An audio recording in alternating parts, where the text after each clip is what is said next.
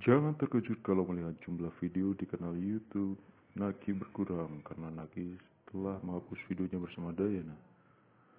Apa yang terjadi?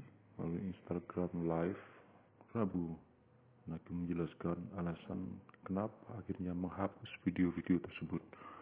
Rupanya semua dilakukan Vicky setelah dia bertanya pendapat pada Dayana. Aku tanyain itu konten kita di YouTube gimana? Kamu mau hapus apa enggak? Kata Naki dikutip dari Instagram live-nya. Terus dia bilang hapus ya udah jadi nanti mungkin aku bakal hapus semua video-video aku dan Dayana. Karena itu permintaan dia jelas Naki di kanal YouTube-nya Naki memberikan keterangan kalau Dayana yang meminta semua video diubah menjadi mode privat